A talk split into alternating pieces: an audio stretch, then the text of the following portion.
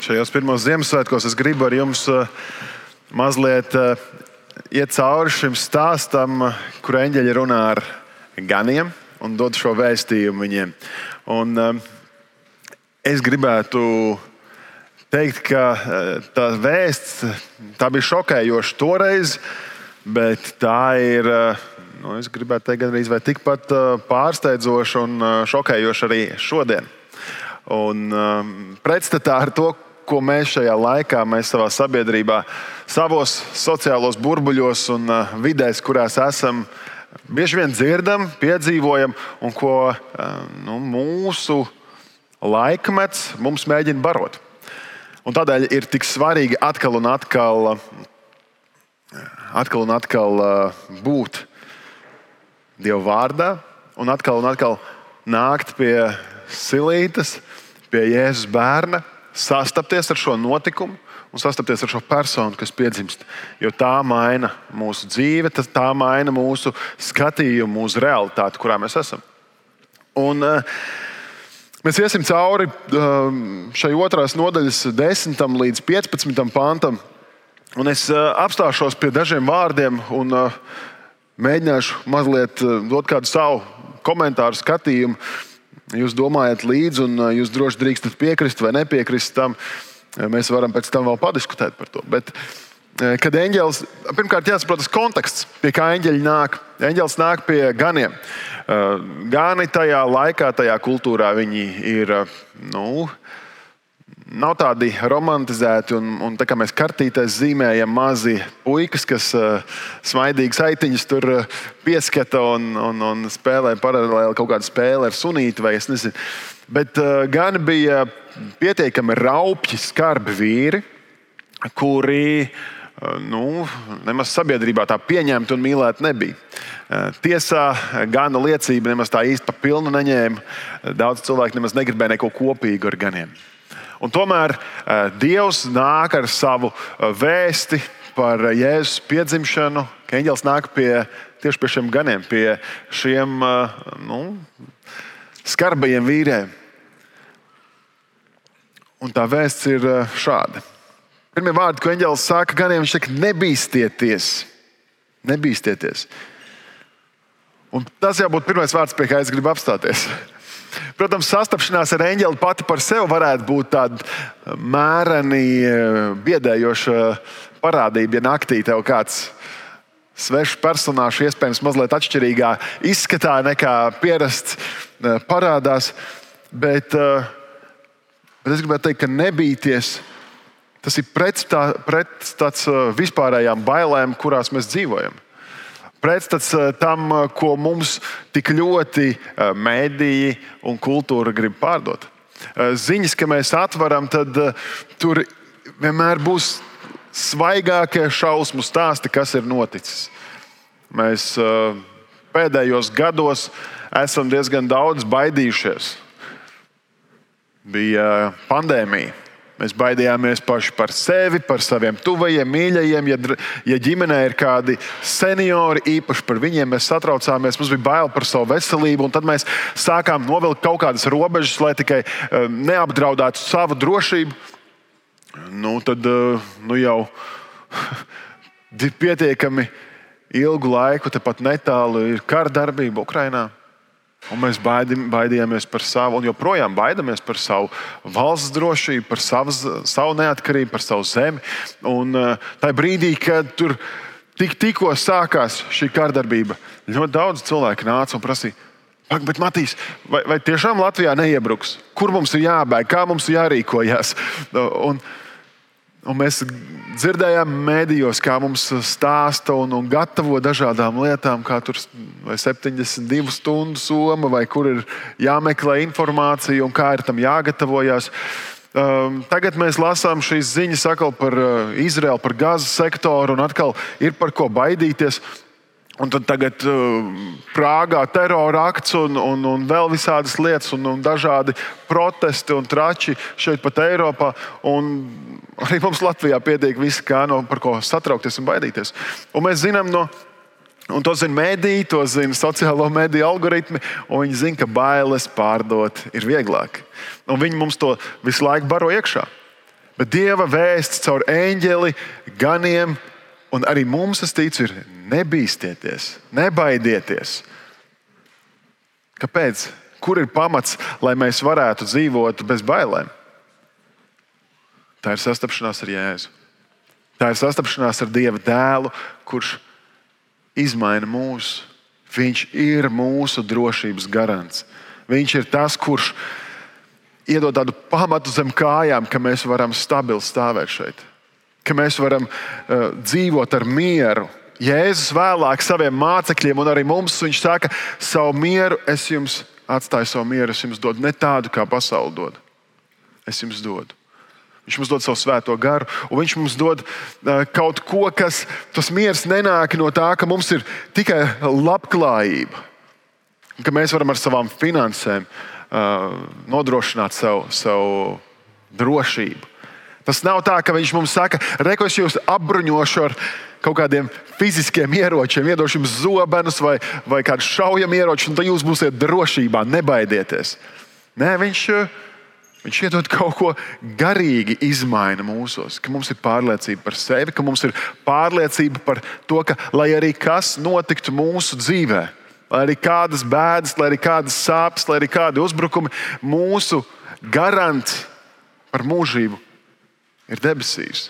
Viņš saka, es jums dodu svēto garu, kā ķīlu, kas mājo jūsos. Līdz ar to eņģēlis var ganiem teikt, nebīsties. Arī mums šodien. Dieva vārds saka, nebīsties.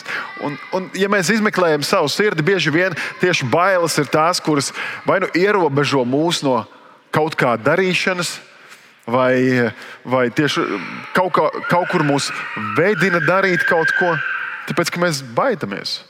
Mēs nepiepildām to potenciālu, ko Dievs mūsos ir ielicis, jo mēs baidamies. Es uh, atceros, ka pirms pāris gadiem man Baltijas Pastorālā institūta drafta komandas vadītājs teica, Matīs, uzfilmē mazu video, ko tu vēlētos uh, nu, iedot tiem pusauģu puišiem, uh, kā padomu 16-gadīgajiem sev. Un es toreiz es domāju, ko es, sev, ko es sev gribētu novēlēt, ja man būtu 16 gadi vēlreiz. Ja es nonāktu ar šī brīža saprātu tajā laikā. Un tad es skatos, protams, Dievs ir vadījis cauri visai dzīvē, lai arī kādus lēmumus es būtu pieņēmis. Bet es šodien gribēju teikt, Matīs, es esmu drosmīgāks. Atceries to reizi, kad tu neaizbrauci uh, un, un neiz, neaizbrauc mācīties, kur tu varbūt gribēji uz, uz ārzemēm, vai tu nobijies. Jo tev likās, ah, nu man angļu valoda nav tik laba, ah, man, man uh, atzīmes nav tik labas, ah, nu es neesmu tik spējīgs. Un daudzās dzīves jomās es zinu, ka tu varētu piepildīt savu potenciālu, ja tu vienkārši drosmē spērtu soli. Tāpēc Dieva vēsts šodien ir nebīsties. Nākamais, ko viņš saka, jo redzi, pamatojums, kāpēc mēs varam nebīd, nebīties. Eņģēlis saka, jo redzi, es jums pasludinu lielu prieku. Un atkal es gribu apstāties, liels prieks. Tas ir tas eh, pretstats vispārējām sliktām ziņām, ar kurām mēs esam apbērti. Mēs uh, ik pa laikam dzirdam par kādām akcijām, kad nu, veidosim kaut kādu vai nu portālu vai platformu, kur ir tikai labas ziņas. Un nekad šis, eh, šis portāls vai platforma pārāk ilgi nav tādā uzmanības centrā, jo sliktās ziņas noēd tās labās. Bet Dieva vēsts ir es jums iedodu labas ziņas. Man jums ir uh, liels prieks, ko jūs varat piedzīvot. Un, uh, mums ir uh, jāmācās fokusēties uz to, par ko priecāties. Mēs zinām, uh, cik, cik mentālai veselībai veselīgi un labi ir skaitīt svētības, katru dienu atskatīties uz Dievu, pateikt, par ko es esmu pateicīgs, par ko es esmu priecīgs, ko Dievs ir darījis. Bet vēl vairāk šis prieks sakņojās tajā, vai man ir attiecības ar Jēzu Kristu, vai es esmu piedzīvojis to, ka Viņš ir manā dzīvē, vai es esmu piedzīvojis to, ka Dievs ir šo vēstu iedevis arī man, ka es esmu daļa no Viņa plāna. Ļoti daudz cilvēku. Es domāju, tie, kas 25. decembrī uh, ir atnākuši uz baznīcu, jums jau ir apziņa par šo, ka tu esi daļa no Dieva plāna, ka Viņš ir pavēstījis šo prieka vēsti arī tev. Bet šis lielais prieks, tas attiecās uz katru cilvēku. Neviens nav izslēgts no šī saraksta. Redzi, eņģēlis viņš saka, visiem ļaudīm tas notiks. Tas nav tā, ka tikai, tikai jūdiem, tikai ebrejiem. Saka, visiem ļaudīm, arī latviešiem, arī ukrāņiem, krieviem, pilnīgi visā pasaulē. Un atkal tas ir pretstats tam eh, separātismam un tādiem sociālajiem burbuļiem, kuros mēs esam. Šajā eh, rudens sezonā, ne, šajos Ziemassvētkos eh, Latvijas rādio bija šī akcija, dod pieci kārtējo gadu, ļoti tāda, kādu sāpīgu tēmu paceļ augšā. Un es klausījos vienu no tām sarunām.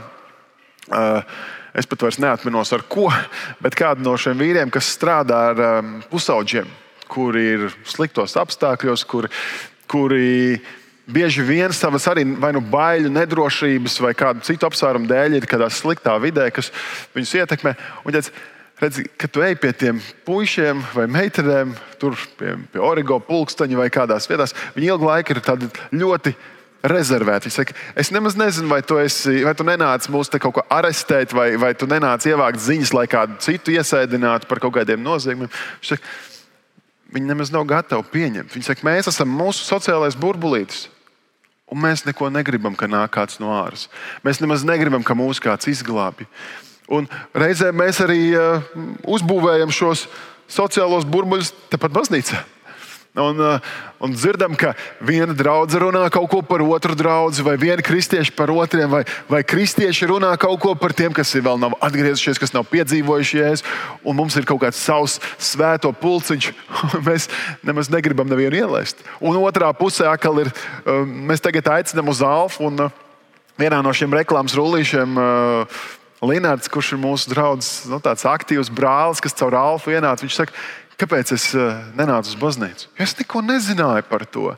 Man neviens nebija izstāstījis, un līdz ar to man bija savs priekšstats, iz, izveidojies par dievu, par kristietību, un es neko kopīgu ar to nemaz negribu. Un tad mēs dzīvojam savā burbulī un domājam, Dievs jau man neko negrib dot. Es jau esmu vai nu tik nelabs, vai es esmu tik slikts, vai, vai tieši otrādi - es esmu tik labs un pašpietiekams, un man neko nevajag.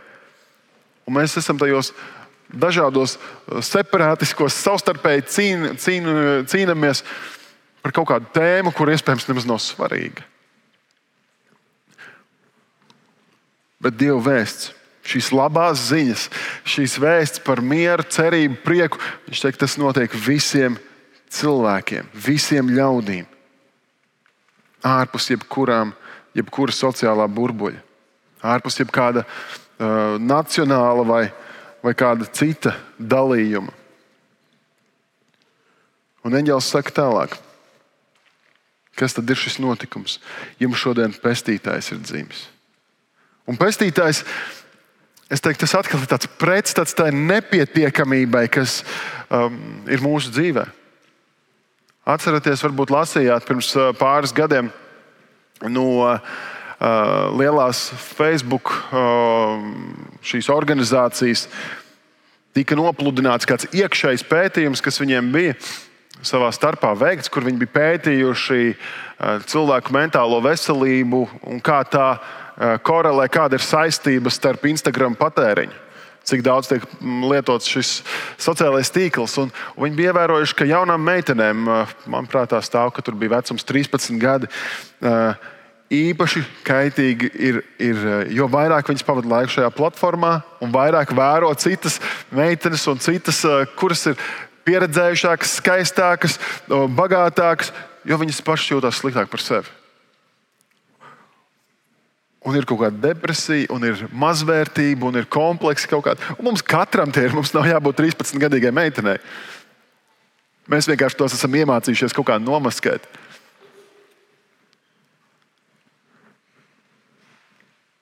Man kā jaunam vīrietim, man patīk sāncensība. Es labprāt pasportoju, man, mēs, mēs ar Raitu uzspēlējam futbolu, un es stāvu vārtos, un viņš mēģina iesist. Un man lielāka gandarījuma sagādā, ja es varu atsargāt tos vārdus, nekā ja es esmu uzbrukumā un es varu iesist tos vārdus. Un, un Man liekas, ka tas ir forši, ka mēs varam pacīkstēties, ka mēs varam kļūt labāki, ka mēs varam uh, būt tādi sāncensīgi. Bet vienmēr, ja būs kāds, kas uzvar, tad būs kāds, kas zaudē. Un pie neizšķirta neviens negrib apstāties. Jo tas ir mūsu dabā, ka mēs gribam uzvarēt. bet tas nozīmē, ka pārējie zaudē. Bet Dieva vēsts ir, ka tai vispārīgajai nepietiekamībai, kur mēs saprotam, man nav pietiekama vai nu veselība, vai spējas, vai gudrība, vai finanses, vai kādi citi apsvērumi, kāpēc es neesmu pietiekami labs. Viņš saka, nāk pestītājs. Mēs sāksim Alfa ievadu lekcijā. Es ļoti bieži citēju aktieru Jimu Keriju, kurš uh, saka, es novēlu visiem cilvēkiem bagātību, slavu. Ko vēl viņš tur kaut ko vēl novēlēja? Trīs lietas viņš novēlēja. Lai viņi redz, ka tur nav piepildījuma, ka tur nav jēgas, ka ir kaut kas vairāk, ka ir jābūt kaut kam vēl lielākam par to. Un mēs zinām, kur tas ir meklējams. Pie pestītāja Jēzus ka Viņš ir tas, kurš iedod jēgu, kurš to, to caurumu mūsu sirdī, kurš tur vienkārši ir, kuru nevar ne ar ko citu aizbāzt. Jēzus iedod to piepildījumu, jo Jēzus iedod nākotni un cerību, uz ko mēs varam virzīties. Un viņš saprot, ka visas pārējās, visas pārējās labās lietas, pēc kā mēs dzenamies, tās ir piemetamās lietas, tā ir piemetamā daļa. Un mēs varam gūt prieku no tā, bet mēs nevaram gūt piepildījumu no tā. Ko vēl eņģēlis saka ganiem? Viņš ir tāds pestītājs, jums ir dzimis Dāvida pilsētā, kas ir Kristus, tas kungs. Šie vārdi, Kristus, tas kungs, īpaši jau baznīcā, mēs viņus esam tik daudz reizes teikuši, ka mēs jau pat vairs neiedziļināmies, ko tie nozīmē. Un, uh, ko tie nozīmē manā dzīvē. Un tā vēsts, ko eņģēlis saka, Kristus, tas kungs, glābējs, pestītājs, mesija, tas, pēc kā visi ir ilgojušies. Viņi mazliet bija citādāk iztēlojušies, ka viņš nāks kā ķēniņš, politisks līderis, kurš atbrīvos Izraelu, kurš apvienos jūdu tautu no, no tālas izkliedes pa visu Romas impēriju. Babilonijas virzienā un Āfrikas daļā, tur, kur bija viņa izskatījuši, ka viņš sapulcinās atpakaļ un nostiprinās Izraēlu valsti bija tās ilgas, ka mums būs, nu, tik mēs te dzīvosim. Bet nē, Kristus, tas kungs, Dievs pats ienāk šajā pasaulē ar savu svētumu, grēcīgā, salauztā, tumšā pasaulē. Un tad es skatos spogulī un saprotu, tur pretī man stāv viens grēcīgs cilvēks, kuram ir vajadzīga pestīšana, kuram ir vajadzīgs piepildījums, kuram ir vajadzīgs tas svētums, pēc kā mēs katrs ilgojamies. Un tas ir Jēzus, kurš ienāk kā pestītājs, kurš nostājās tiesas priekšā manā vietā. Saka, rekur tiesā pēc manis, nevis pēc maniem darbiem, bet pēc Jēzus nopelna.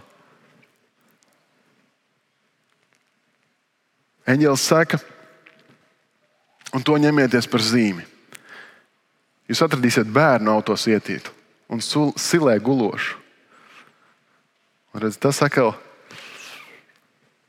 Es gribētu teikt, ka tas veids, kā Jēzus ienāca šajā pasaulē, tas ir pretstats tādai vispārējai jauniešu teikt, fleksošanai. Tas ir izrādīšanās. Mums patīk, ka mums ir visādi mirdzumiņi, un Ziemassvētkos mums patīk mirdzumiņi vairāk, bet mums patīk izrādīties ar telefonu, ar kaut kādām statusu, ar drēbēm, ar, ar kaut ko, ka tik es esmu labāks par pārējiem. Bet Dieva dēls ienāk tajā vienkāršībā, tajā necilajā vidē. Man tik ļoti patīk šīs, šī eh, Amerikā kampaņa, eh, kur um, he gets us. Viņš mūs saprot. Apmēram tā varētu latviešu tulkot. Eh, reklāmas kampaņa, kur kad kristieši pērk reklāmas laiku vis, nu, skatītākajos laikos, tad, kad Amerikā ir eh, superkausa, amerikāņu futbolā, viņi nopērk reklāmas laiku un ieliek vēstu par jēzu. Tad 20 sekundžu, 30 sekundžu garas klipiņus, kur parāda to vienkāršību, kā Jēzus piedzima, kā Jēzus piedzima pusaugu meitenei. Kur viņi zināja, ka bērnu tēvs nav tas, ar ko viņi plāno apprecēties. Un, un apkārtējais spiediens ir tāds, kāds tas ir. Un, protams, viņi zināja to patiesību, ka, ko eņģēlis viņai bija teicis, ka viņš ir no svētā gara bet sabiedrība to varēja nesaprast. Viņi pelnīja, ka viņus varēja tur diezgan pamatīgi izslēgt, labākajā gadījumā no sabiedrības. Viņi redz to, kā Jēzus trīs gadu vecumā devās bēgļu gaitās. uz Eģipti, lai netiktu nogalināts. Un viņš spēja asociēties ar to. Un viņi redz to, kā, kā Jēzus tika nodots, jo viņa draugi viņu nodeva. Novērsās no viņa visgrūtākajā, vissāpīgākajā laikā. Saka, Jēzus tevi saprot, lai arī kam tu ietu cauri. Un domā, nē, man nav bijušas sāpes, es esmu uzmanības centrā, un Jēzus arī bija uzmanības centrā. Kur visi prožektori bija uz viņu sakopoti, kur visi uz viņu skatījās, kur viņam sekoja pūļi. Un viņš bija arī tur, un viņš zina, kā ir tur būt. Viņš tevi saprot. Bet viņš nevienā brīdī neteica, skaties uz mani, cik es esmu varens un īpašs. Kaut gan viņam bija visas tiesības tā teikt. Viņš ienāca šajā pasaulē kā vienkāršs bērniņš. Apstākļos, kur nekas par viņu nevarēja parūpēties īsti. Pilnīgs pretstats tam, kā mēs šajā kultūrā joprojām rīkojamies. Un tad jautājums ir, kāda ir mana reakcija uz to visu? kā izskatās mana sastapšanās ar Jēzu. Vai nu šajos Ziemassvētkos, vai manā dzīvē. Un eņģeļi parāda piemēru. Mēs varam skatīties uz eņģeļiem, mēs neesam eņģeļi, un, un varbūt kādreiz mēs būsim kaut kas līdzīgs viņiem, bet ne, par, ne man par to spriest. Bet, uh, Bet tajā brīdī, kad šī vēsts ir atskanējusi, tur debesīs parādās debesu pulku, jeb eņģeļu draugs. Un tie slavēja Dievu. Un sacīja, gods Dievam augstībām. Tad pirmais, ko mēs varam no eņģeļiem mācīties, mēs varam to fokusu projām no sevis vērst un dot uz, uz debesīm. Dot Dievam. Jo es jau neesmu nopelnījis to godu. Es jau neesmu izpelnījies, ka es esmu saņēmies un tagad kaut kā izprovocējis Jēzu, ka viņš nāk un man izglābi. Mums gan patīk, ka mēs runājam par savu dzīves transformāciju vai, vai maiņu. Saka, teikt, es atradu Dievu, vai es iepazinu, es sapratu, es pieņēmu lēmumu, es atmetu kaut ko no vecās dzīves. Jā, Bībele izaicina mūs rīkoties. Bet, bet Pāvils mums saka, um, vēstulē galotiešiem, viņš saka, nevis jūs esat Dievu atzinuši, bet pareizāk sakot, Dievs ir jūs atzinis. Viņš nāca pie mums, nevis mēs pie viņa kad mēs vēl bijām grēcinieki. Un tad mēs atsaucamies tam. Un kad mēs dodam šo godu debesīm, kad mēs dodam godu Dievam, tad mēs eh, visu fokusu ņemam prom no sevis un sakam, lūk, tur ir gudrais, tur ir varenais, tur ir spēcīgais. Viņš ir visa goda cienīgs. Un miers virs zemes. Tas ir Dieva plāns, lai miers būtu virs zemes. Un tur, kur ir karš, tur, kur ir vainas, tur, kur ir cīņas savā starpā, tas vienkārši norāda to, ka mēs neesam devuši savu sirdi, savu dzīvi Dieva rokās. Jo Dievs nāk dot mieru. Viņš vēl mieru šeit virs zemes. Mēs arī, kad lūdzam debesu tēvu, tēvreiz skaitam, Šat, lai tavs prāts notiek kā debesīs, tā virs zemes. Debesīs nav kašķi, nav, nav cīņas. Tā ir mūsu grēcīgā vecā daba, kas cīnās savā starpā. Pat reizēm ģimenes starpā mēs nemākam noturēt mieru. Es, nezinu, es ceru, ka jums bija skaisti un mierpilni Ziemassvētki, un jūs varējāt satikt savus mīļos, bet ir ģimenes, kuri nevar pat Ziemassvētkos apsēsties pie viena galda. Un tur ir vajadzīgs izlīgums. Un tas izlīgums nenāk no tā, ka mēs vienā brīdī hop, kaut ko sapratīsim un, un teiksim, oh, nu jā, nu es tomēr uh, varētu iet pirmais to soli un lūgt izlīgumu. Tur ir vajadzīga kaut kāda dievišķa intervence, kaut kāda iejaukšanās, kas vienkārši salauž to manu lepnumu, salauž to manu paštaisnību. Dievs ir aicinājis mūs kļūt par mieru cilvēkiem, kas sēž mieru ikvienā vietā, kur mēs ejam. Ka mēs meklējam mieru ar visiem cilvēkiem un turam mieru, cik vien tas iespējams. Protams, būs cilvēki, kuri nebūs gatavi ar mani turēt mieru. Un, kā aktieris Dēls Vašingtons eh, bija eh, teicis kādā intervijā, un šeit reizēm būs tā, ka tas gars, kas mīt tevī, provocēs tos dēmonus, kas mīt citā. Un tāpēc jūs nevarēsiet noturēt mieru. Protams, tajā demonu vai, vai garīgajā pasaulē tagad arī negribu attīstīt to tēmu, bet reizēm mūsos ir kaut kas, ka mēs vienkārši ieraugam to otru un mūsos vai nu ir miers, Un mēs zinām, cik labi, ka viņš atnāca. Cik labi, ka tu satiksi to cilvēku, ir labi. Un reizēm atnāk kāds, kurš vienmēr ir tas, kas šķeļ, kas plosa, kas kaut kādas tur urķē tās attiecības. Jautājums, vai es esmu tas, kurš, par kuru cits saka, ka viņš atnāk, tad gan ir labi. Viņš atnes mieru sev līdzi, vai viņš atnes līdzi kaut kādus konfliktus, atkal kaut ko piekasās, atkal kaut ko strīdās.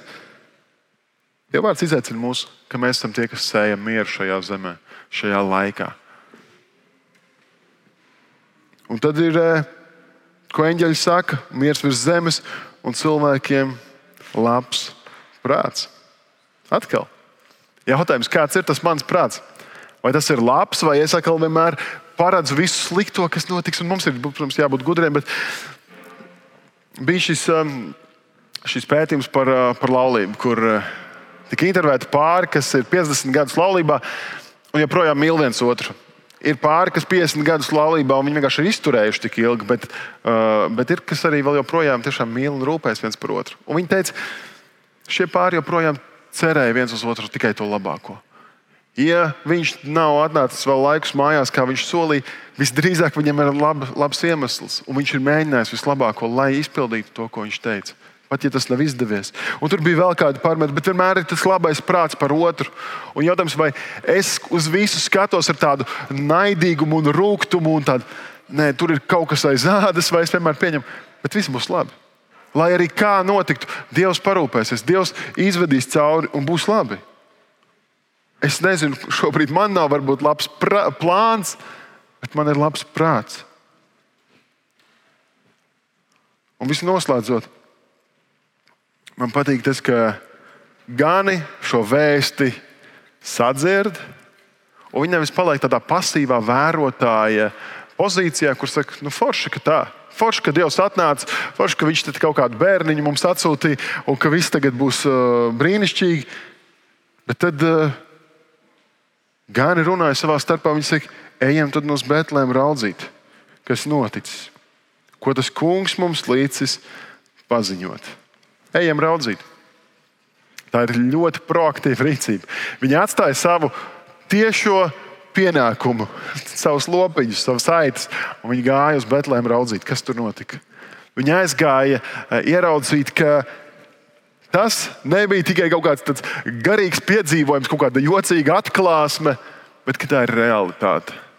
Jautājums, vai es palieku tajā vienreizējā garīgajā piedzīvojumā, kur kaut kāds eņģelis vai kaut kāda, kaut kāda īpaša sajūta man bija, vai es eju un pēc tam proaktīvi pārbaudu to, ko Dievs saka, to, ko Viņš man ir atklājis.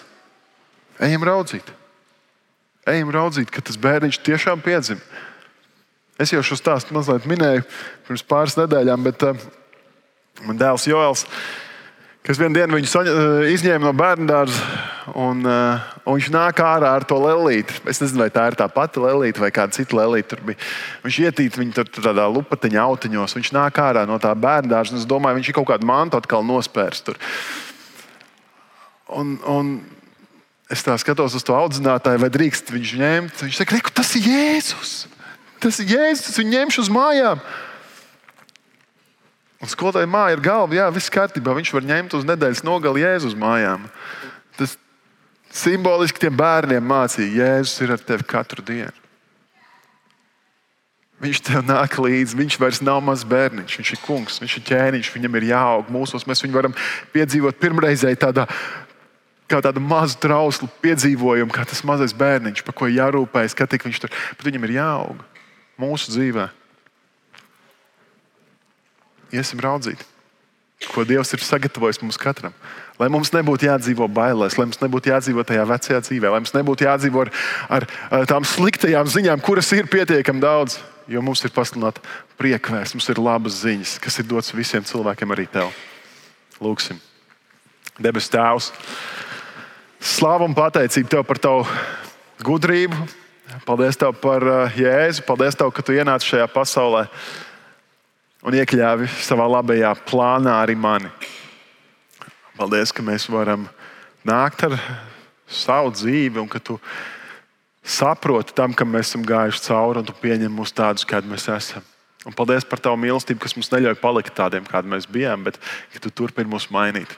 ka tu ļauj mums pieaugt, ka tu ļauj mums uzņemties atbildību un, ka tu mūs izaicini tādiem būt. Un es lūdzu, ka šajos svētkos mēs varam atkal sastapties ar tevi un piedzīvot to, kā tu maini un kā tu vādi mūs tālāk. Svētī mūs katru, un kad arī izējām no šos, šī svētku laika, kungs, ka mēs neaizmirstam to, ko tu esi labu mums devis. Tavā vārdā to lūdzu. Āmen!